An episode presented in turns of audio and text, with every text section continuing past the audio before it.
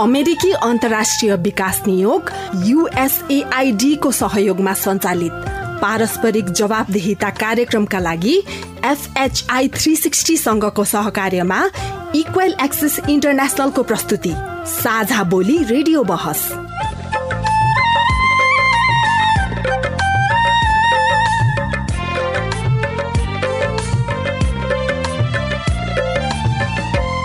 नमस्कार। साझा बोली रेडियो बहसमा तपाईँलाई स्वागत छ। म दुर्गा उपाध्याय। साझा बोली रेडियो बहसमा हामी नागरिक समाज आम संचार माध्यम र सार्वजनिक निकाय बीचको पारस्परिक जवाबदेहिता र आपसी दिगो सम्बन्धका विषयमा बहस गर्छौं।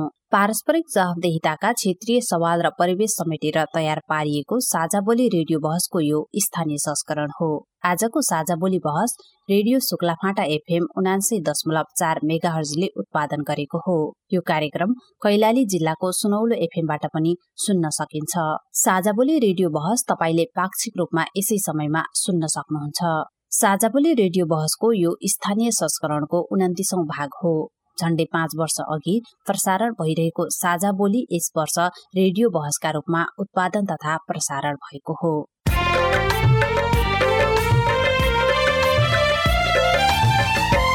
साझाबोली रेडियो बहसको आजको भागमा स्थानीय तह निर्वाचनको मतगणनामा भइरहेको ढिलाइ बदरमतको अवस्था र सुशासनका लागि जनप्रतिनिधिले खेल्ने भूमिका विषयमा बहस गर्दैछौ।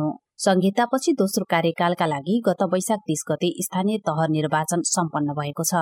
स्थानीय सरकार सञ्चालन ऐनमा स्थानीय तहका जनप्रतिनिधिको कार्यकाल सकिन दुई महिना अघि नै निर्वाचन गर्नुपर्ने व्यवस्था अनुसार सरकारले एकैपल्ट देशभर स्थानीय तहको निर्वाचन गरेको हो। कञ्चनपुरमा फर्जी मत परेको विषयमा सामान्य विवाद भए पनि समग्र रूपमा कैलाली र कञ्चनपुरमा स्थानीय तह निर्वाचन दुई हजार उनासी शान्तिपूर्ण तरिकाले सम्पन्न भएको छ। यद्यपि सुदूरपश्चिम प्रदेशका केही पहाड़ी जिल्लाहरूमा भने झडपकै स्थिति सिर्जना भएपछि मतदान स्थगित गर्नु परेको थियो। पाँच वर्षपछि भएको स्थानीय तह निर्वाचनमा मतदाताहरूको निकै उत्साहजनक सहभागिता थियो। कञ्चनपुरमा कुल मतदाता दुई लाख पञ्चानब्बे हजार तीन सय चौपन्न जना रहेकोमा दुई लाख एक हजार चार सय साठी जनाले मतदान गरेको जिल्ला निर्वाचन कार्यालय कञ्चनपुरले जनाएको छ। जिल्लामा सत्तरी दशमलव तीन दुई प्रतिशत मत खसेकोमा महिला सहभागिता उल्लेख्य रहेको मुख्य निर्वाचन अधिकृत मदन बहादुर धामी बताउनुहुन्छ।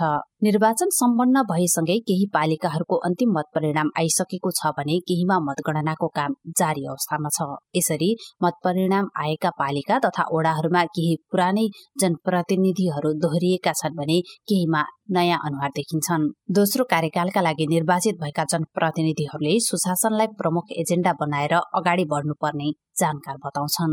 उहाँहरूले सबैभन्दा महत्वपूर्ण कुरो सहभागिता पारदर्शिता र सुशासन प्रवर्धनका लागि आवश्यक आधार स्तम्भको रूपमा रहेको जनताको सेवा लिने र सेवा प्रवाह गर्ने जुन चक्र छ त्यो चक्र बीचको सेवा प्रदायकको रूपमा स्थानीय तह सबलीकरण हुन आवश्यक छ भने सेवा लिने सेवा प्रदायकहरूको पनि सशक्तिकरणको पाटोमा अझै उहाँहरूले ध्यान दिनुपर्ने हुन्छ कि। अब आएका जनप्रतिनिधिहरूले यो नगरपालिकाले निर्माण गरेका कानुनहरू कार्यविधिहरू र यसका साथसाथै प्रदेश सरकार र सङ्घीय सरकारबाट आएका कानुनहरू कार्यविधिहरू सबैलाई चाहिँ मध्यनजर गरेर चाहिँ उनीहरूलाई चाहिँ अध्ययन गरेर चाहिँ आफ्नो कार्यक्रमहरू र आफ्नो कार्य सञ्चालनको प्रक्रिया चाहिँ अगाडि बढाउनु पर्छ यता निर्वाचन आयोगले मतदान सकिएको छ दिनभित्र अन्तिम मत परिणाम सार्वजनिक गर्ने बताए पनि मतगणना प्रक्रियामा भने निकै ढिला सुस्ती देखिएको छ। त्यति मात्रै होइन गणना भएको मतको नतिजा सार्वजनिक गर्न समेत ढिलाइ भइरहेको छ। जसले गर्दा आम नागरिक र आम सञ्चार माध्यमले सूचनाको पहुँचबाट वञ्चित हुनुपर्ने अवस्था छ। एउटा मतपत्र गणना गर्न पाँचदेखि दस मिनटसम्म लागिरहेको फेरि त्यसमा पनि जिगज्याग भइरहेको यो स्वतन्त्र उम्मेद्वार अनि यो गठबन्धन आदिका कारण तलमाथिको मत बदर सदर आदि इत्यादिका कारण समय लागिरहेको अनि त्यसमा पनि सुरु सुरुमा चाहिँ गणक पनि अभ्यस्त नभएको र प्रतिनिधिहरू पनि अभ्यस्त नभएका कारण चाहिँ निकै समस्या भइरहेको थियो अहिले पछिल्लो समय चाहिँ केही केही गति बढेको जस्तो लाग्छ मलाई। निर्वाचन आयोगले निर्वाचन सम्पन्न गर्नका लागि निर्वाचन अधिकृत सहायक निर्वाचन अधिकृत सहित अन्य सहयोगी कर्मचारी खटाएको हुन्छ। तर मतगणना सूचनाको व्यवस्थापनका लागि जनशक्ति कम भएपछि सूचना प्रभाव प्राथमिकतामा पर्न सकेको देखिँदैन। त्यसैले मतगणनाको नतिजा सार्वजनिक गर्न तथा सूचनामा सबैको पहुँचका लागि छुट्टै सूचना अधिकृतको व्यवस्था गर्न सके सहज हुने देखिएको छ। थोरै जनशक्तिले धेरै काम गर्नुपर्ने भए हुनाले सबै ठाउँमा लाग्नुपर्ने भए हुनाले अहिले त्यो किसिमले चाहिँ एउटा चाहिँ सूचना अधिकृतले जसरी गर्नुपर्ने भूमिका थियो त्यो निर्वाह हुन सकेको अवस्था होइन। आगामी दिनमा पक्कै पनि यो विषयमा चाहिँ सूचना दिन र लिनका लागि चाहिँ एउटा सूचना अधिको पनि छुट्टै एउटा पद त्यो चाहिँ निर्माण त्यो टोलीमा निर्वाचन गराउने टोलीमा त्यो निर्माण गरिदियो भने उपयुक्त हुन्छ। मलाई साझा बोली रेडियो बहस अमेरिकी अन्तर्राष्ट्रिय विकास नियोग युएसएआईडी मार्फत अमेरिकी जनताहरूको सहयोगका कारण सम्भव भएको हो। यस कार्यक्रमभित्रका विषयवस्तु र सामग्री पारस्परिक जवाबदेहिता कार्यक्रमका एकल जिम्मेवारी हुन्। र यहाँ प्रस्तुत भनाइले युएसएआईडी वा अमेरिकी सरकारको विचार प्रतिबिम्बित गर्छन् भन्ने जरुरी छैन। रेडियो कार्यक्रम साझा बोली बहसमा तपाईँलाई फेरि स्वागत छ। आजको साझा बोली बहसमा हामीसँग अतिथि हुनुहुन्छ कञ्चनपुरका मुख्य निर्वाचन अधिकृत मदन बहादुर धामी र पत्रकार महासंघ कञ्चनपुर शाखाका उपाध्यक्ष भवानी भट्ट। आजको पहिलो प्रश्न कञ्चनपुरका मुख्य निर्वाचन अधिकृत मदन बहादुर धामीजीलाई। स्थानीय तह निर्वाचन भएको छ। यो निर्वाचन आयोगले स्थानीय तह निर्वाचन सकिएको छ दिनभित्रै अन्तिम मत परिणाम सार्वजनिक गर्ने भनेको थियो। तर अहिलेसम्म मतगणनाको अवस्था हेर्दा त्यो सम्भव देखिएको छैन। कञ्चनपुरमा मतगणनाको अवस्था कस्तो छ? कञ्चनपुरमा कतिपय पालिकाहरूमा चाहिँ मतगणना कार्य सम्पन्न भइसकेको अवस्था छ। सबैभन्दा अगाडि सायद त्यो हाम्रो लालझाडी गाउँपालिकाको समापन भएको हो। अब अहिले यो भीमदत्त अनि हाम्रो चाहिँ यो बेतकोट कृष्णपुरको चाहिँ मतगणना कार्य जारी छ। मतगणनामा अलि ढिलाइ भयो भन्ने खालको पनि आइरहेको छ। के कारणले ढिलाइ भइरहेको छ खासमा यो?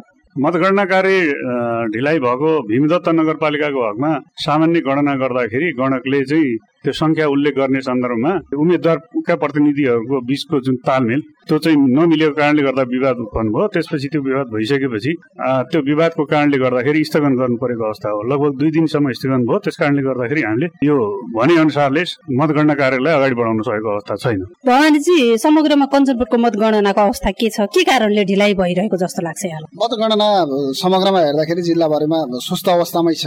मैले केही निर्वाचन अधिकारी त मत गणकहरूसँग कुरा गर्दाखेरि गणना चाहिँ एकदम एउटा एउटा मतपत्र गणना गर्न पाँचदेखि दस मिनटसम्म लागिरहेको फेरि त्यसमा पनि जिगज्याग भइरहेको यो स्वतन्त्र उम्मेद्वार अनि यो गठबन्धन आदिका कारण तलमाथिको मत बदर सदर आदि इत्यादिका कारण समय लागिरहेको अनि त्यसमा पनि सुरु सुरुमा चाहिँ गणक पनि अभ्यस्त नभएको र प्रतिनिधिहरू पनि अभ्यस्त नभएका कारण चाहिँ निकै समस्या भइरहेको थियो अहिले पछिल्लो समय चाहिँ केही केही गति बढेको जस्तो लाग्छ मलाई। यो मतगणना भइरहँदा मत परिणामका बारेमा सबैको चासो हुन्छ। त्यसैले यसको सूचनामा आम नागरिक र सञ्चार माध्यमको पहुँच चाहिँ कस्तो छ? यो विषयमा चाहिँ एकदमै यो पहुँच चाहिँ निकै कमजोर रह्यो। निर्वाचन अधिकृतदेखि मुख्य निर्वाचन अधिकृतको कार्यालयले यो यो व्यवस्थापन गर्न सकेन। यद्यपि हामीले केही दिन अगाडि जिल्ला प्रशासन कार्यालयमा पत्रकार महासङ्घको टोली नै गएर यो विषयमा मुख्य निर्वाचन अधिकृतसँग कुरा गरेका थियौँ। उहाँले व्यवस्थापन गर्छु पनि भन्नुभएको थियो। तर कतिपय निर्वाचन अधिकृतले फोनसम्म उठाइदिनु भएन। न त्यो फेसबुक पेज न मान्छे तोक्ने यो यो एकै निकै कमजोरी रह्यो यो चाहिँ। यो विषयमा चाहिँ आगामी दिनमा सुधार हुँदै जाला भन्ने हो। पछिल्लो केही समय चाहिँ केही निर्वाचन अधिकृतहरूले फेसबुक पेज बनाएर त्यो सार्वजनिक गरिराख्नु भएको छ।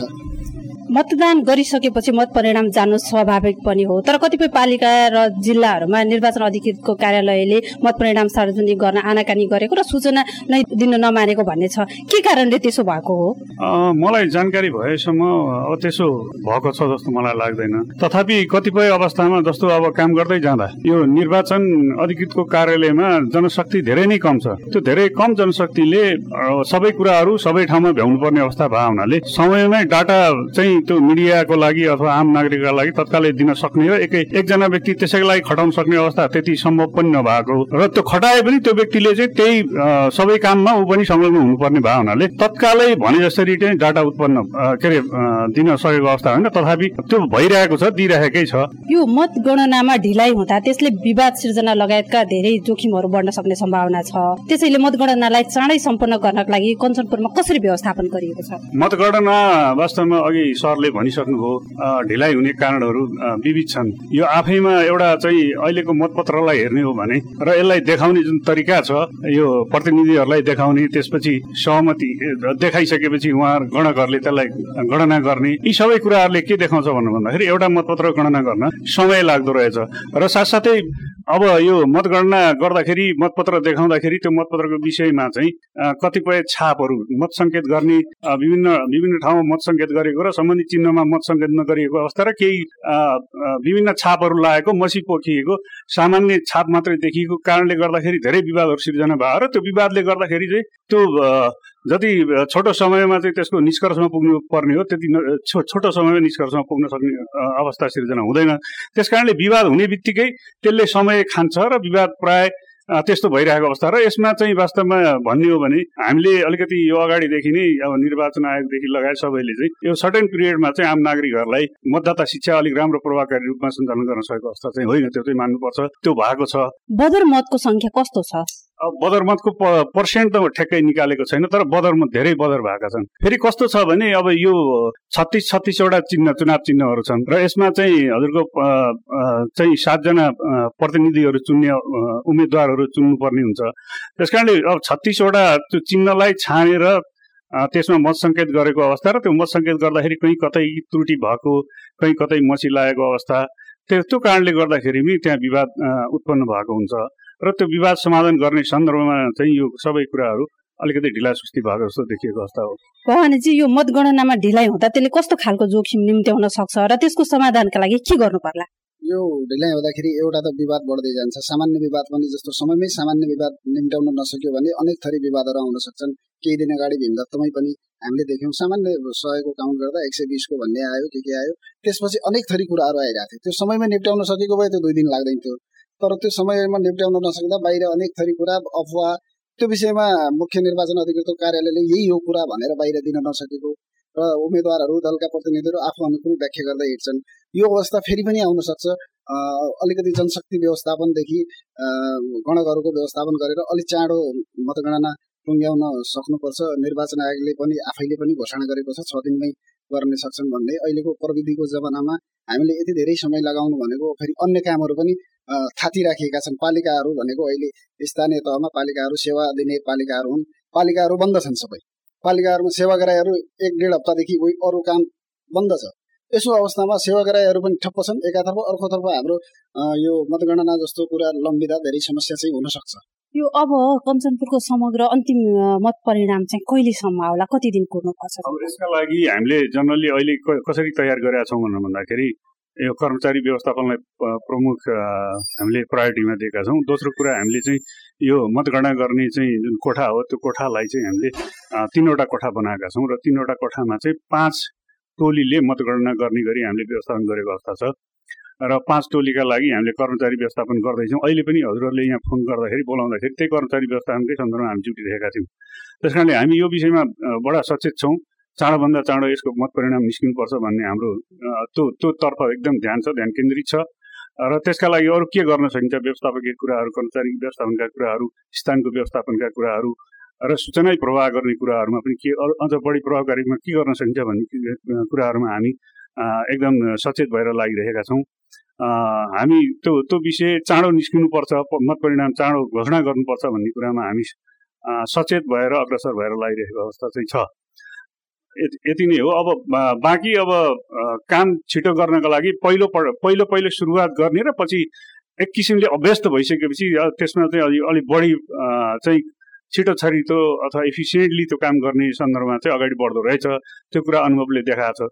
सुरुमै मतगणना गर्ने सन्दर्भमा गणकहरू पनि अन्यलमा रहने र त्यो भन्ने मान्छे पनि अन्यलमा रहने र यता प्रतिनिधि पनि अन्यलमा रहने अवस्था हुन्छ। र हामीले त्यो देख्यौँ। त्यो अगाडि जुन किसिमले उहाँहरू हामी हाम्रा गणकहरू अलिकति अन्यलमा रहे अब अहिले अहिलेको अवस्थामा उहाँहरू धेरै गणकहरू रिपिटेसन हुनु भइराख्नु भएको छ र उहाँहरूले अब कसरी अगाडि छिटो गर्न सकिन्छ भन्ने किसिमले उहाँहरूले त्यो कार्य गरिराख्नु भएको अवस्था हुँदा अब केही न केही पहिलाको पहिलाको तुलनामा इफिसियन्सी बढेको एउटा अवस्था र अर्को कुरा चाहिँ हामीले यो मतगणना टोली नै वृद्धि गरेको अवस्था भए हुनाले यो मतगणना कार्य चाहिँ यो परिणाम ल्याउने कार्य चाहिँ छिटो र छरितो हुन्छ भन्ने हामी हामीले विश्वास लिएका छौँ। कञ्चनपुरमा आचार संहिताको पालना भएको कतिको पाउनु हो? के छ अवस्था समग्रमा? आचार संहितामा विगतको तुलनामा निर्वाचन आयोगले पनि कडाइ गरेको देखियो र केही पालना पनि भएको देखियो। तर समग्रमा भन्दाखेरि जुन अवस्थामा हुनुपर्थ्यो त्यो चाहिँ हुन सकेन जस्तो सामाजिक सञ्जालहरूमा लेख्ने कुरा निर्वाचन आयोग निर्वाचन अधिकृत कार्यालयबाट अनुमति लिनुपर्ने अनि तपाईँको भारतीय नम्बरका गाडीहरू बालबालिकाका प्रयोग अनि यो झन्डा चुल ब्यानरहरू टाग्ने यी चाहिँ पर्याप्त मात्रामा देखिए तर त्यसको लिखित उजुरी चाहिँ कहीँ कतै देखिएन। अनुगमन पनि सामान्य रूपमा भयो होला तर जुन अवस्थामा हुनु पर्थ्यो त्यो भएको देखिएन। आचार संहिता पालनामा चाहिँ जसरी निर्वाचन आयोगले कडाइ गरेको थियो त्यो अनुसार चाहिँ तल्लो स्तरमा त्यो कडाइ चाहिँ भएको देखियो। यो कञ्चनपुरमा आचार संहिता उल्लङ्घनको उजुरीहरू पऱ्यो कि परेन अथवा कस्तो खालको पाइयो?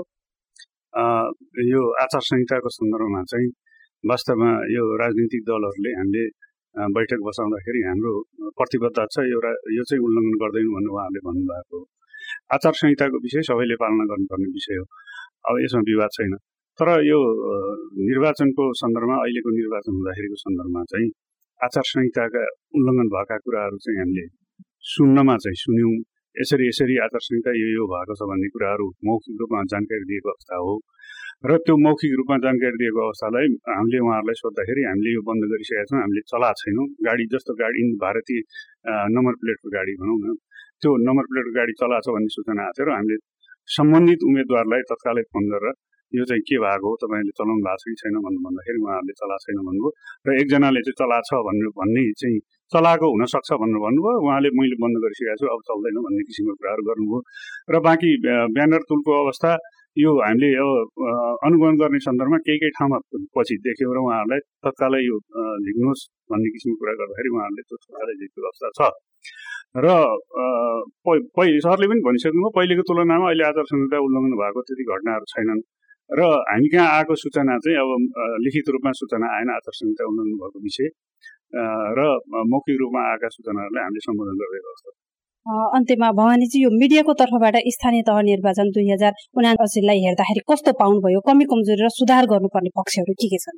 अहिलेको निर्वाचन निकै राम्रो भएको छ। विगतका तुलनामा खर्चिलो कम भएको छ अनि व्यवस्थापन पनि राम्रो भएको छ र हामीले मत मतदान कम भयो भन्दा भन्दै पनि सत्ती बहत्तर प्रतिशत पुगेकै छ कञ्चनपुर जिल्लामा।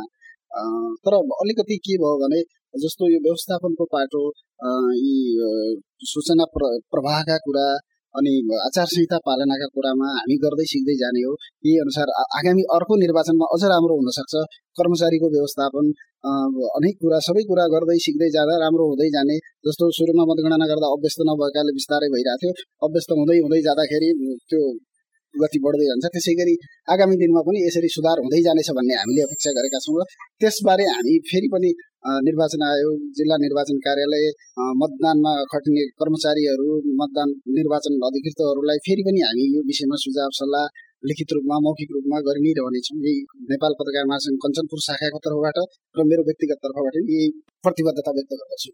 अन्त्यमा यो मत परिणाममा आम नागरिक र मिडियाको सहज पहुँचका लागि यहाँको प्रतिबद्धता के हुन्छ? कसरी सहज पहुँचमा होइन सबै कुरा वास्तवमा यो अब अहिले हाम्रो डेमोक्रेटिक सोसाइटीमा यो पारदर्शी हुनुपर्ने सूचना प्रभाव गर्नुपर्ने र आम नागरिकले सूचना पाउनुपर्ने सूचना भनेको अब एउटा हकै रूपमा स्थापित भइसकेको अवस्था भएको हुनाले यो निर्वाचनकै परिणामको सन्दर्भमा निर्वाचनको कार्यक्रमको सन्दर्भमा चाहिँ सूचना दिनैपर्छ यसका लागि वास्तवमा निर्वाचन आयोगले पनि यो जसरी एउटा सर्टेन पिरियडका लागि चाहिँ निर्वाचन गराउनको लागि टोलीको निर्माणको बनाउँछ। त्यो टोली निर्माण गर्दाखेरि कम्तीमा एउटा सूचना अधिकारीको पनि व्यवस्था रहने गरी जसरी अनुमान अधिकृत एउटा रहने त्यस्तै गरेर जिल्ला निर्वाचन अधिकृत अधिकृत एउटा रहने भने जस्तै अरू एउटा सूचना अधिकारी पनि रहने व्यवस्था गरिदियो भने त्यो एउटा संयन्त्रको निर्माण गरिदियो भने त्यो एउटा संयन्त्रले चाहिँ डिल गर्न सक्ने र सूचना प्रवाह गर्न सक्ने र आएका सूचनाहरूलाई लिन सक्ने किसिमको व्यवस्था हुन सक्थ्यो होला।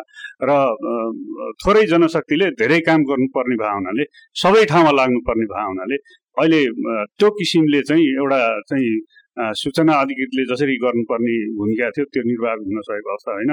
आगामी दिनमा पक्कै पनि यो विषयमा चाहिँ सूचना दिन र लिनका लागि चाहिँ एउटा सूचना अधिकृतको पनि छुट्टै एउटा पद त्यो चाहिँ निर्माण त्यो टोलीमा निर्वाचन गराउने टोलीमा त्यो निर्माण गरिदियो भने उपयुक्त हुन्छ मलाई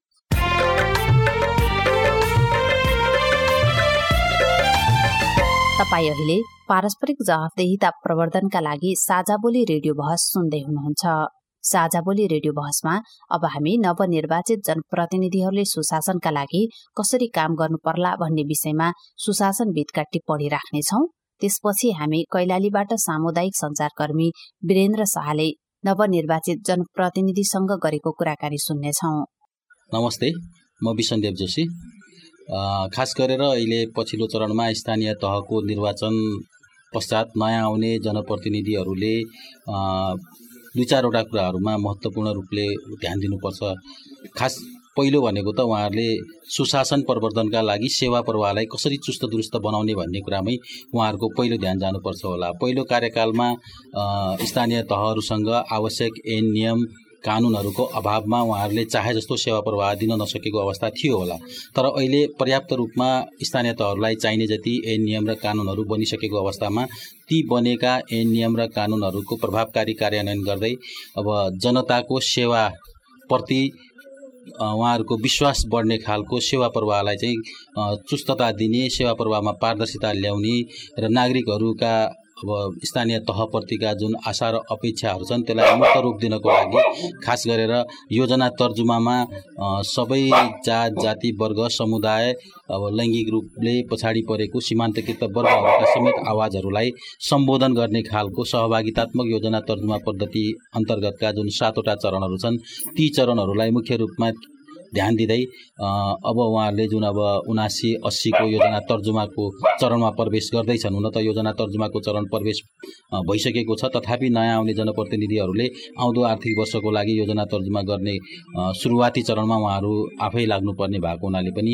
योजना तर्जुमा गर्दाखेरि नै विषयका विज्ञहरूसँगको सल्लाहको आधारमा बस्ती स्तरीय र योजना स्तरीय योजना तर्जुमा गर्दै गर्दा प्राथमिकताका क्षेत्रहरू तय गरेर खास गरेर अल्पकालीन र दीर्घकालीन रूपमा असर पार्ने खालका योजनाहरू छनौट गर्न सकियो भने साना साना कुराहरूले पनि जनताका आशा र अपेक्षाहरूलाई मूर्त रूप दिन सक्छ। त्यसैले उहाँहरूले सबैभन्दा महत्त्वपूर्ण कुरो सहभागिता पारदर्शिता र सुशासन प्रवर्धनका लागि आवश्यक आधार स्तम्भको रूपमा रहेको जनताको सेवा लिने र सेवा प्रवाह गर्ने जुन चक्र छ त्यो चक्र बिचको सेवा प्रदायकको रूपमा स्थानीय तह सबलीकरण हुन आवश्यक छ भने सेवा लिने सेवा प्रदायकहरूको पनि सशक्तिकरणको पाटोमा अझै उहाँहरूले ध्यान दिनुपर्ने हुन्छ। किनभने नागरिक र जनप्रतिनिधि बिचको जुन सम्बन्ध छ त्यो सम्बन्ध जति प्रगाड हुँदै जान्छ जति अन्तर्क्रियाहरू हुँदै जान्छन् त्यति अन्तर्क्रिया र त्यो सम्बन्धले गर्दा स्थानीय तह मजबुत हुने भएको हुनाले स्थानीय तहलाई सबलीकरण गर्नको लागि स्थानीय तहलाई सुशासनयुक्त बनाउनको लागि जनताका आशा को भरोसाको केन्द्रको रूपमा स्थानीय तहलाई चाहिँ उहाँहरूले स्थापित गर्न सक्नुभयो भने जुन सङ्घीयताको पहिलो स्तम्भको रूपमा अथवा सङ्घीयताको पहिलो आधारशिलाको रूपमा रहेको स्थानीय तहले हाम्रो सङ्घीय शासन प्रणालीलाई नै पनि असर पार्ने भएको हुनाले स्थानीय तहहरूले गर्ने काम कर्तव्यहरू मा स्थानीय तहहरूले दिने सेवाहरूमा सङ्घीयताको पनि भविष्य जोडिएको हुनाले त्योतर्फ उहाँहरूले बढी ध्यान दिएर अब बनेका ऐन नियम कानुनहरूलाई प्रभावकारी कार्यान्वयनमा चाहिँ उहाँहरूले लानुपर्ने अवस्था चाहिँ छ। नमस्कार म कमल निरञ्जन पाठ सचिव नागरिक समाज कञ्चनपुर। यो स्थानीय तहमा निर्वाचित भएर जनप्रतिनिधि आउनु भएको छ। यसअघिको कार्यकालमा धेरै समय सिकाइमै बित्यो। अब जित्नेले कसरी काम गर्नुपर्छ? एकदमै सही प्रश्न छ तपाईँको। अब स्थानीय तहहरू संस्थागत रूपमा चाहिँ भर्खरै गइरहेको अवस्थामा चाहिँ अब दोस्रो पटक चाहिँ नयाँ निर्वाचित प्रतिनिधिहरू आएका छन्। कहीँ कतै चाहिँ पुरानै जन प्रतिनिधिहरू पनि निर्वाचित भएको अवस्था छ।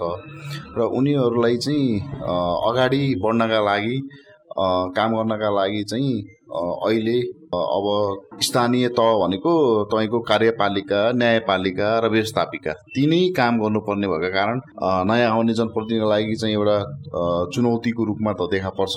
र पनि अब आएका जनप्रतिनिधिहरूले यो नगरपालिकाले निर्माण गरेका कानुनहरू कार्यविधिहरू र यसका साथसाथै प्रदेश सरकार र सङ्घीय सरकारबाट आएका कानुनहरू कार्यविधिहरू सबैलाई चाहिँ मध्यनजर गरेर चाहिँ उनीहरूलाई चाहिँ अध्ययन गरेर चाहिँ आफ्नो कार्यक्रमहरू र आफ्नो कार्य सञ्चालनको प्रक्रिया चाहिँ अगाडि बढाउनुपर्छ। यो सुशासनमा जनप्रतिनिधिको भूमिका कस्तो रहन्छ वा कस्तो हुनुपर्छ? अब सुशासनमा जनप्रतिनिधिको महत्त्वपूर्ण भूमिका रहन्छ। अब जनप्रतिनिधिहरू र यो अहिलेको चाहिँ जो संविधानले स्थानीय तहको निर्माण गरेको छ त्यो चाहिँ खास गरेर सुशासन र सहभागितामुखी बनाउनका लागि नै यो प्रक्रिया मार्फत स्थानीय तहमा चाहिँ धेरै पावर एक्सर्साइज गर्न दिएको अवस्था छ। स्थानीय तहमा चाहिँ आफै एउटा सरकारको रूपमा उपस्थित रहन्छ। र अब जनप्रतिनिधिहरूले चाहिँ सुशासनको एउटा सुशासन चाहिँ दिलाउनका लागि सुशासनप्रति प्रतिबद्ध हुनका लागि जनप्रतिनिधिहरू चाहिँ अग्रसर हुनुपर्छ र खास गरेर सुशासन चाहिँ विकास निर्माणको कुराहरू हुनसक्छ। यसका साथसाथै तपाईँको सहभागिताको कुराहरू हुनसक्छ। यसै गरी विभिन्न कार्यक्रमहरू छन् जो कार्यक्रमहरू चाहिँ कार्यविधि अन्तर्गत र एउटा चाहिँ सम्पूर्ण नागरिकहरूले चाहिँ सहज रूपमा सुशासन एउटा शासन चाहिँ शासकको रूपमा नभइकन सहभागिताको माध्यमले चाहिँ सबैले स्थानीय सरकारको रूपमा चाहिँ एउटा आफ्नो गाउँघरमा रहेको सरकार र जो सरकारले चाहिँ भ्रष्टाचार मुक्त भएर एकदम सम्पूर्ण नागरिकहरूलाई चाहिँ समावेशी उनीहरूलाई चाहिँ समतामूलक ढङ्गले उनीहरूको सहभागिता गराएर चाहिँ शासन प्रक्रिया चाहिँ अगाडि बढ्यो भने चाहिँ सुशासन चाहिँ देखिन्छ र त्यो सुशासन लागू गर्नमा चाहिँ जनप्रतिनिधिको महत्त्वपूर्ण भूमिका देखिन्छ।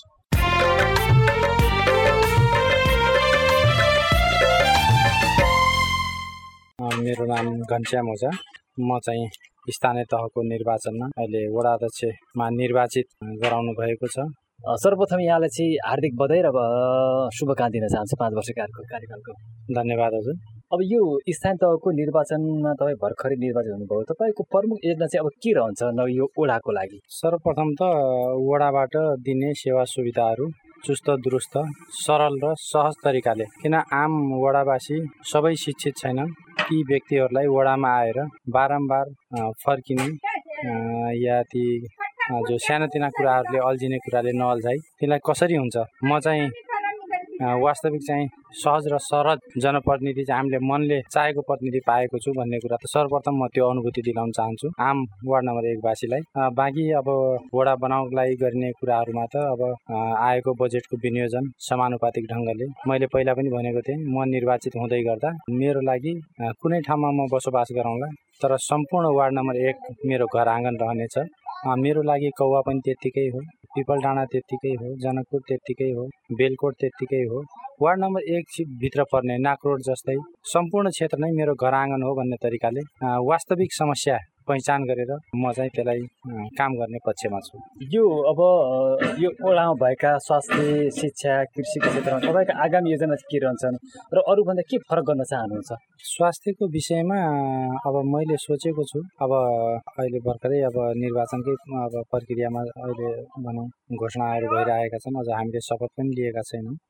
र अब हाम्रो नगर प्रमुख उपप्रमुख सम्पूर्ण एउटा टोली भइसकेपछि वार्ड नम्बर एक यो वार्डकै मात्र नभएर समग्र बाह्रै वार्डको पनि एउटा केन्द्र भएको कारणले गर्दा यसको स्वास्थ्य क्षेत्रमा नगरसँग समन्वय गरेर कसरी हुन्छ यसको स्तर उन्नति चाहिँ गर्नुपर्छ जस्तो मलाई लाग्छ। त्यस्तै गरेर अब यो कृषि औजारका कुराहरू छन् सिँचाइका कुराहरू छन् किसानहरू चाहिँ अब खेती गर्ने तर चाहिँ यो कृषि औजार अनुदानदेखि लिएर विभिन्न कुराहरू छन्।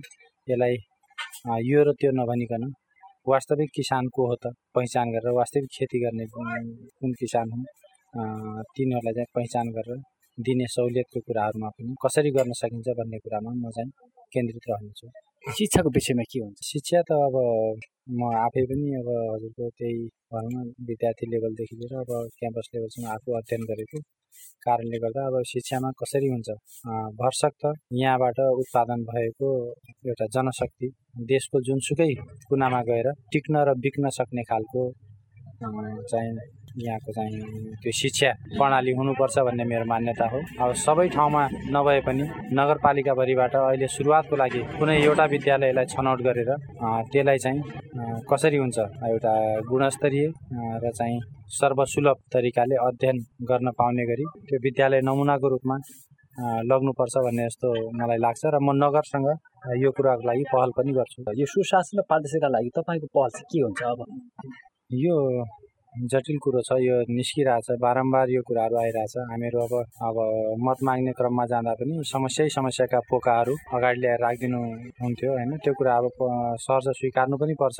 जुन कुरा चाहिँ पीडा हुन्छ त्यो चाहिँ आम जनताले त्यो कुरा राख्ने नै हो। र म आफू निर्वाचित हुँदै गर्दा मैले पहिला पनि भनेको थिएँ म भ्रष्टाचार गर्दा पनि गर्दिनँ र गर्न पनि दिँदैन। जब म आफै भ्रष्ट छैन भने मैले अरूलाई गर्न दिने कुरा भएन। मैले मेरो वाडा तहबाट दिने सेवा सुविधामा भ्रष्टाचार रहित सरल सहज तरिकाले आम वडावासीलाई कसरी सेवा सुविधा दिन सकिन्छ भन्ने कुरामा म केन्द्रित हुन्छु। किनभने म आफू जब त्यो कुराबाट परहेज छु भने चाहिँ अरूलाई गर्न दिने कुरै भएन। शासक होइन सेवक भएर काम गर्ने हो। जनता चाहिँ वडामा आउँदाखेरि म कुनै व्यक्ति ठाउँ गइराखेका छु या ढोकैबाट भित्र पस्न चाहिँ अलि त्रास हचक हुने स्थिति नभएर सहज र सरल तरिकाले आउन सकोस् सेवा सुविधा लिन सकोस्।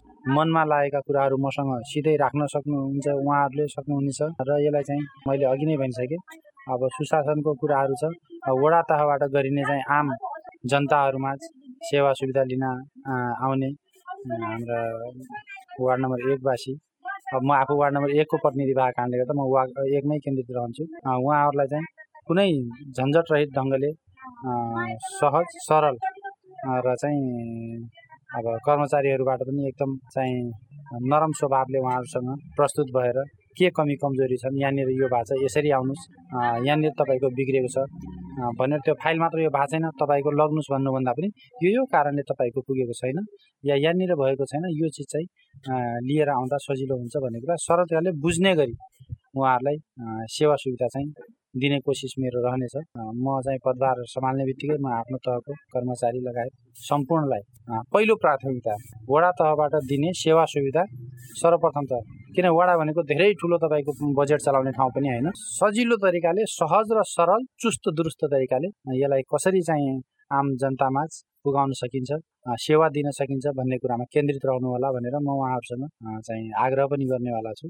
हजुर नमस्कार। म जनक साउद गरिङ्गा नगरपालिका वार्ड नम्बर दुईको अध्यक्षको उम्मेद्वार। यो स्थानीयको निर्वाचन तपाईँ भर्खर निर्वाचन भयो। तपाईँको प्रमुख एजेन्डा चाहिँ के रहन्छ अब वार्ड नम्बर दुईको लागि गरिङ्गाको? हाम्रो एजेन्डा भनेको हामीले विगतमा जनताका गत निर्वाचनमा पनि हामीले बोलेका कुराहरू केही कुराहरू गर्न बाँकी छन्। हामीले विकास निर्माण कुरा कुराहरूदेखि लिएर एउटा समाजमा समाज परिवर्तनका लागि गर्ने कुराहरू सुशासनका कुराहरू यी कुराहरू केही कुराहरू चाहिँ विगत पाँच वर्षमा केही अधुरा रहेका छन् र यसका निम्ति मेरो उम्मेदवार जानकारी थियो र जहाँसम्म विगतमा हामीले हामीले गरेका हाम्रो पार्टीले गरेका विगतका कामहरूको मूल्याङ्कन गरेर जनताले पुनः निर्वाचित गरेका छन्। यसका निम्ति हाम्रो इमान्दारीका साथ जनताको सेवामा संयुक्त हुने मेरो चाहिँ धारणा छ। स्वास्थ्य शिक्षा क्षेत्रमा नेपालको संविधान दुई हजार बहत्तरले दिएका मौलिक हक स्वास्थ्य शिक्षा लगायत कृषि क्षेत्रमा निशुल्क रूपमा चाहिँ नेपाली जनताले पाउनुपर्ने अधिकार हो। त्यसको चाहिँ सुनिश्चितताका लागि कार्ययोजना बनाउँदै अगाडि बढ्नेछौँ र त्यो कृषि क्षेत्रमा चाहिँ यसलाई कृषिमा थुप्रै बेरोजगारी युवा साथीहरू हुनुहुन्छ जसले यहाँ नेपालमा रोजगारी नभइकन विदेश देशमा जानुपर्ने स्थिति छ। त्यसलाई चाहिँ यो हाम्रो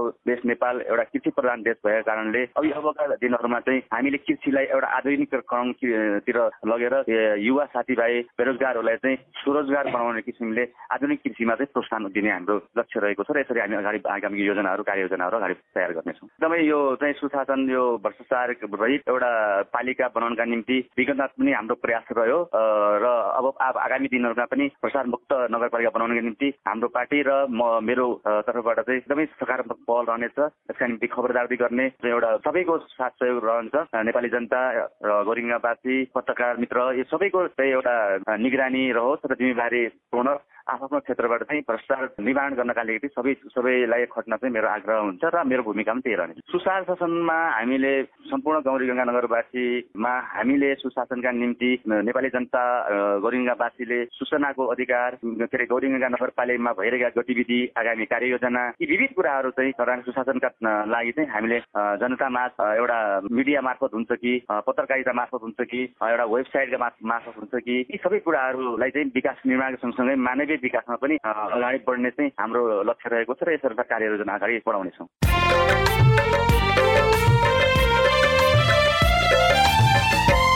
रेडियो कार्यक्रम साझा बोली बहसमा स्थानीय तह निर्वाचनको मतगणनामा भइरहेको ढिलाइ बदरमतको अवस्था र सुशासनका लागि जनप्रतिनिधिले खेल्ने भूमिका विषयमा सवाल जवाफ सुन्दै हुनुहुन्छ। हामीसँग हुनुहुन्छ कञ्चनपुरका मुख्य निर्वाचन अधिकृत मदन बहादुर धामी र पत्रकार महासंघ कञ्चनपुर शाखाका उपाध्यक्ष भवानी भट्ट। साझाबोली रेडियो बहसमा स्वास्थ्य शिक्षा तथा सुशासनका लागि नगर प्रमुखका एजेण्डा तथा प्रतिबद्धताका विषयमा दोधरा चाँदनी नगरपालिकाका नगर प्रमुख किशोर लिम्बुसँग गरिएको कुराकानी अबको पालोमा। कार्यक्रम साझा बोली बहसमा यहाँलाई हार्दिक स्वागत छ। हजुर धन्यवाद। स्थानीय तह निर्वाचनमा भर्खरै निर्वाचित हुनुभएको छ। जस्तो यो स्वास्थ्य शिक्षा कृषि क्षेत्रमा सँगसँगै अब दुधारा चाँदनी आफैमा पनि बाढी प्रभावित क्षेत्र हो। यसका लागि चाहिँ तपाईँको आगामी योजनाहरू के छन्? अरूभन्दा फरक के गर्न चाहनुहुन्छ यो क्षेत्रमा? अब यो स्वास्थ्य शिक्षा सुरक्षाको कुराहरू त अहिले एकदमै महत्त्वपूर्ण हिजोको दिनमा घाँस बाँस कपासको कुरा मात्र उठ्थ्यो भने अहिले जोडिएको स्वास्थ्य शिक्षा सुरक्षा कुराहरू। शिक्षा कुराहरूमा पनि अहिले थप पाँचवटा बिओपीहरू बोर्डरमा थपिसकेको कुराले गर्दाखेरि पनि त्यतातिर पनि केही सुधार भइसकेको देखिन्छ। अनि स्वास्थ्यको क्षेत्रमा यहाँ हाम्रो अस्पताल नै यहाँ चाहिँ स्थापना हुँदैछ। त्यसको कामहरू अगाडि बढिसकेको छ र वडा वडामा स्वास्थ्य एकाइहरू खुलिसकेको र त्यसलाई हामीले प्रभावकारी रूपमा कसरी चाहिँ जनतालाई सेवा सुविधा दिन सकिन्छ सुलभ ढङ्गले सरित तरिकाले भन्ने कुरामा हाम्रो ध्यान जान्छ त्यसलाई प्रभावकारी रूपमा हामीले अगाडि बढाउँछौँ काम कार्यान्वयनको पक्षमा र शिक्षाको क्षेत्रमा पनि अहिले यही साढे तिन वर्षको कार्यकालमा धेरै ठुलो लगानी शिक्षा क्षेत्रमा भएको कारणले गर्दाखेरि यहाँ भौतिक संरचनाको कुनै पनि अहिले चाहिँ त्यस्तो अभाव देखेको छैन र अब हामीले त्यहाँभित्रको पठन पाठन त्यहाँको चाहिँ प्रशासनमा अलिकति सुधार गर्नुपर्ने कुरा छ त्यसलाई हामीले चाहिँ विशेष ध्यानमा राखेर हामी अगाडि बढ्नेछौँ र यो शिक्षाको सुधारको लागि हाम्रो एकदमै गम्भीर ध्यान आकर्षण भएको छ। त्यसमा हामीले प्रकार ढङ्गले क्रियाकलाप कार्यक्रम अगाडि बढाउँछौँ जस्तो यहाँले सङ्घीय सरकार र प्रदेश सरकारले थुप्रो लगानी गरेको छ भन्नुभयो यहाँ चाहिँ स्थानीय तहको प्रमुखमा निर्वाचित हुनु भएको छ। स्थानीय तहबाट चाहिँ के फरक गर्न चाहनुहुन्छ ती क्षेत्रहरूमा? अब स्थानीय तहबाट हामीले गर्नु पर्दाखेरि अहिले स्थानीय स्तरमा भएका विद्यालयहरू स्थानीय सरकारको मातहतमा सञ्चालन हुने र स्थानीय सरकारकै रेखदेखमा सञ्चालन हुनुपर्ने चल्नुपर्ने जुन किसिमको चाहिँ अवधारणा नीति आएको छ। त्यसमा हिजोको दिनमा त्यो क्रियाकलापहरू त्यो ढङ्गले चाहिँ काम नभएको हामीले देख्यौँ र अब हामी चाहिँ स्थानीय तहबाटै सबै यहाँ चाहिँ नगर स्तरीय क्षे यो शिक्षा क्षेत्र बन्दाखेरि पनि धेरै कुराहरूको चाहिँ सन्तोषजनक ढङ्गले नआएको कुराहरू जनताले महसुस गर्यो र शिक्षाको व्यवस्थापनदेखि लिएर अनि त्यहाँभित्रको प्रशासनिक व्यवस्थापनहरू पनि राम्रो प्राप्त नभएको कुराहरू पठन पाठनमा त्यति चाहिँ अनुगमनदेखि लिएर त्यहाँ शिक्षकहरूलाई अलिकति प्रोत्साहित गर्ने र शिक्षकहरूको कर्तव्य कामप्रति चाहिँ कुन ढङ्गले चाहिँ उहाँहरू लाग्नु भएको छ भन्ने कुरामा कुनै चासो राखिएन। र अहिले हामीले चाहिँ आफ्नो कर्तव्यमा च्युत भएर काम गर्नेहरूको लागि एक ढङ्गले हामी चाहिँ उहाँहरूलाई कानुनी प्रक्रिया मात्र मार्फत पनि उहाँहरूलाई चाहिँ आफ्नो कर्तव्यको बोध गराउने तरिकाले हामीले जाने र आफ्नो कर्तव्यलाई इमान्दारीपूर्वक निष्ठापूर्वक उहाँहरूले चाहिँ गर्नुभएको छ भने गर्नुको निम्ति पनि उहाँहरूलाई हामीले पुरस्कार सङ्घको व्यवस्थापन गर्नेदेखि लिएर जो जसरी त्यसरी लाग्नु भएको छ उहाँहरूलाई पुरस्कृत गर्ने पनि हाम्रो चाहिँ सोच हामीले अगाडि राखेका छौँ र त्यो ढङ्गले हामी जान्छौँ। त्यस कारणले गर्दाखेरि पक्कै पनि यो अहिलेको विद्यालय क्षेत्रमा देखिएको विद्यार्थीदेखि लिएर अभिभावकमा पनि त्यति सचेत नभएको कुराहरू हामीले चाहिँ उहाँहरूको जिम्मेवारी त्यति उहाँले नबुझेको त्योसम्म बुझाउनेदेखि लिएर शिक्षकहरूलाई पनि हामीले कुन ढङ्गले चाहिँ समन्वय गरेर शिक्षाको क्षेत्रमा चाहिँ प्रभावकारी ढङ्गले चाहिँ काम गर्न सकिन्छ भन्ने कुरामा चाहिँ हामीले जोड दिने ढङ्गले हामी अगाडि बढ्ने भन्ने सोचको साथ हामी अगाडि आएका छौँ। जस्तो पछिल्लो समय स्थानीय तहमा सबैभन्दा बढी भ्रष्टाचार भयो भन्ने जनगुनासो पनि बढेको छ। सुशासन र पारदर्शिताका लागि तपाईँको पहल के हुन्छ? त्यसको लागि त मैले आफै एउटा के सोचिरहेको छु भनेपछि अनिवार्य रूपमा यो गर्नै पर्ने। यसको लागि मैले एकदमै के गर्नुपर्छ त्यो काम चाहिँ गर्ने नै भनेर सोचिरहेको छु। त्यो भनेको अब एउटा नगर स्तरीय सूचना केन्द्र अथवा चाहिँ हेल्प डेस्क। जतिखेर पनि जुन किसिमको पनि सूचना एउटा घरमा बसेर फोनको माध्यमबाट चाहिँ ज जुनसुकै इच्छुक तपाईँको जनताले पाउन सक्ने किसिमको चाहिँ हामीले त्यो किसिमको एउटा प्रवृत्तिको चाहिँ हामीले चाहिँ लागु गर्ने भन्ने कुरा छ। त्यो गरिन्छ। र अर्को स्थानीय सरकारसँग सिधै जनताको सम्वाद गर्ने त्यो किसिमको पनि एउटा हाम्रो चाहिँ त्यो सिस्टम बसाल्ने भन्ने पनि छ। त्यस कारणले गर्दाखेरि सबै किसिमको कुराहरू जनताले प्रत्यक्ष रूपमा सोध्न पाएपछि र पारदर्शी रूपमा चाहिँ उहाँहरूले चाहिँ थाहा पाउनुभयो भने भ्रष्टाचार न्यूनीकरण हुन्छ र त्यसरी पनि भ्रष्टाचारलाई रोक्न सकिन्छ भन्ने अवधारणा चाहिँ हामीले अगाडि बढाउने भन्ने कुरामा चाहिँ हामी सोचिरहेछौँ। स्थानीय सरकार र जनप्रतिनिधिलाई कसरी हेर्नुहुन्छ? भनौँ न जनप्रतिनिधिलाई सुशासनसँग तपाईँ कसरी जोड्नुहुन्छ? जनप्रतिनिधि नै उसरी अब यो सरकारमा गइसकेपछि एउटा सरकार अहिले चाहिँ जनताको अभिभावकको रूपमा काम गर्नुपर्ने कुरा त अब सबैले बुझेको कुरा हो। र त्यो नहुँदाखेरि अहिले रक्षक नै भत्सक भएको भन्ने कता कता सुनिन्छ। वास्तवमा त भएको पनि देखियो र असन्तुष्टिहरू व्यापक देखियो भने हिजोको दिनमा पनि। तर हामी चाहिँ के सोच्नुहुन्छ भने चाहिँ हामी सेवक हो। हामीले चाहिँ सेवा गर्नुपर्छ। जनताको सेवाको लागि हामी आएको हो। र एउटा सेवकले के गर्नुपर्छ त्यो हरेक ढङ्गले चाहिँ हामी त्यसमा लाग्नु लागि पर्नुपर्छ र त्यस ढङ्गले हामीले चाहिँ जनताको मन जित्ने मन छुने र जनताको पूर्ण सन्तुष्टिको लागि हामीले के गर्नुपर्छ? त्यो ढङ्गले हामी गयौँ भने पक्कै पनि जनप्रतिसँग जनताको चाहिँ सम्बन्ध राम्रो हुन्छ विश्वास बन्छ र एउटा राम्रो सम्बन्ध बनिसकेपछि विश्वासको वातावरणले गर्दाखेरि कुनै पनि त्यस्ता कुराहरू बाहिर आउने पनि छैन र त्यो शङ्का गर्ने ठाउँ पनि नरहने किसिमले चाहिँ हामीले काम गर्ने भन्ने हाम्रो सोच अन्त्यमा दोधारा चाँदनी नगरपालिकामा सुशासनमा तपाईँको भूमिका र प्रतिबद्धता के रहन्छ? सुशासनको लागि एउटा सरकार मात्रै भएन कि अब यहाँ चाहिँ के भन्छन् राम्रो सरकार अथवा चाहिँ जनताले सरकार छ भन्ने किसिमको चाहिँ महसुस गर्ने ढङ्गले चाहिँ हामीले काम गर्छौँ। त्यो भनेको अब यहाँ चाहिँ वडाले जुन किसिमले बजेटहरू विनियोजन गरेर कार्यक्रम ल्याएर बजेटहरू लगेर जानुहुन्छ उहाँहरूले चाहिँ त्यो कार्यक्रम कार्यान्वयन गर्दाखेरिको पक्षमा पनि मैले व्यक्तिगत ढङ्गले पनि यो नगरको प्रमुख भएको कारणले गर्दाखेरि मैले चाहिँ प्रत्यक्ष रूपमा अनुमान गर्ने र गराउने ढङ्गमा कमी कमजोरी गर्नु छैन। म आफै पनि जहाँ त्यस्तो कुराहरू उठ्छ जहाँ सङ्ख्या उपसङ्ख्या देखिन्छ त्यहाँ प्रत्यक्ष रूपमा गएर पनि मैले के गर्नुपर्छ? हस्तक्षेपकारी ढङ्गले जानुपर्छ भने पनि म जान तयार छु। त्यस कारणले भ्रष्टाचारीदेखि लिएर जनताले पाउने निष्पक्ष रूपमा सेवा सुविधाका कुराहरूमा जनताको हक अधिकार सुनिश्चित गर्ने कुरामा चाहिँ म आफै पनि चाहिँ व्यक्तिगत रूपमा पनि उपस्थिति रहने र मेरो उपस्थिति देखिने किसिमले चाहिँ म लाग्नेछु। त्यस कारणले गर्दाखेरि पनि जनताहरूको ले महसुस गर्नेछन् वाको अवस्थामा स्थानीय स्तरमा अहिले चाहिँ सरकार मात्रै होइन यहाँ सुशासन पनि छ भन्ने महसुस गर्ने किसिमले चाहिँ मैले लाग्नेछु भन्ने म जानकारी गराउन चाहन्छु।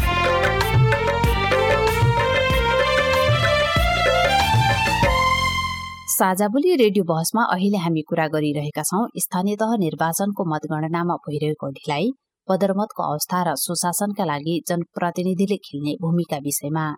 यतिन्जेल हामीले भर्खरै सम्पन्न स्थानीय तह निर्वाचनमा शान्ति सुरक्षाको अवस्था मतदाताको सहभागिता र मतगणनामा भइरहेको ढिलाइ नवनिर्वाचित जनप्रतिनिधिहरूले सुशासनका लागि कसरी काम गर्नुपर्ला भन्ने विषयमा सुशासनविदका टिप्पणी र जनप्रतिनिधिका प्रतिबद्धताका बारेमा छलफल गर्यौं। साझा बोली रेडियो बहसमा अहिले हामी कुरा गरिरहेका छौं। स्थानीय तह निर्वाचनको मतगणनामा भइरहेको ढिलाइ बदरमतको अवस्था र सुशासनका लागि जनप्रतिनिधिले खेल्ने भूमिका विषयमा। हामीसँग हुनुहुन्छ कञ्चनपुरका मुख्य निर्वाचन अधिकृत मदन बहादुर धामी र पत्रकार महासंघ कञ्चनपुर शाखाका उपाध्यक्ष भवानी भट्ट। अब हामी कार्यक्रमको अन्त्यतिर छौं।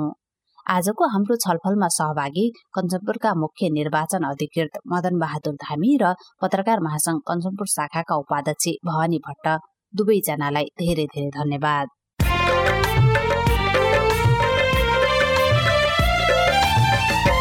हामी साझाबोली रेडियो बहसको अन्त्यमा आइपुगेका छौं। पारस्परिक जवाफदेहिताबारे आफूले देखे सुने या भोगेका कुनै कुरा लेख मार्फत व्यक्त गर्न चाहनुहुन्छ वा अरूका लेखहरू पढ्न चाहनुहुन्छ भने डब्लु डट एमईआरओआरईपीओआरटी डट एनईटीमा पनि लगइन गर्न सक्नुहुन्छ। साझाबोली रेडियो बहस तपाईँले मेरो रिपोर्ट वेबसाइट पोडकास्ट च्यानल र सामाजिक सञ्जालहरूमा पनि सुन्न सक्नुहुन्छ। हवस् त आजको साझा बोली रेडियो बहसबाट अब विदा हुने बेला भयो। आज हामीले स्थानीय तह निर्वाचनको मतगणनामा भइरहेको ढिलाइ बदरमतको अवस्था र सुशासनका लागि जनप्रतिनिधिले खेल्ने भूमिका विषयमा कुराकानी गर्यौं।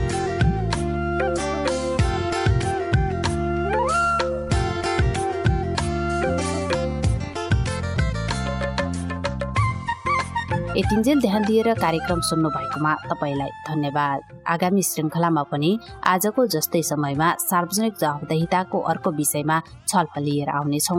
सुन्न नबिर्सनुहोला। आजको कार्यक्रमबाट म दुर्गा उपाध्याय विदा भए। नमस्कार।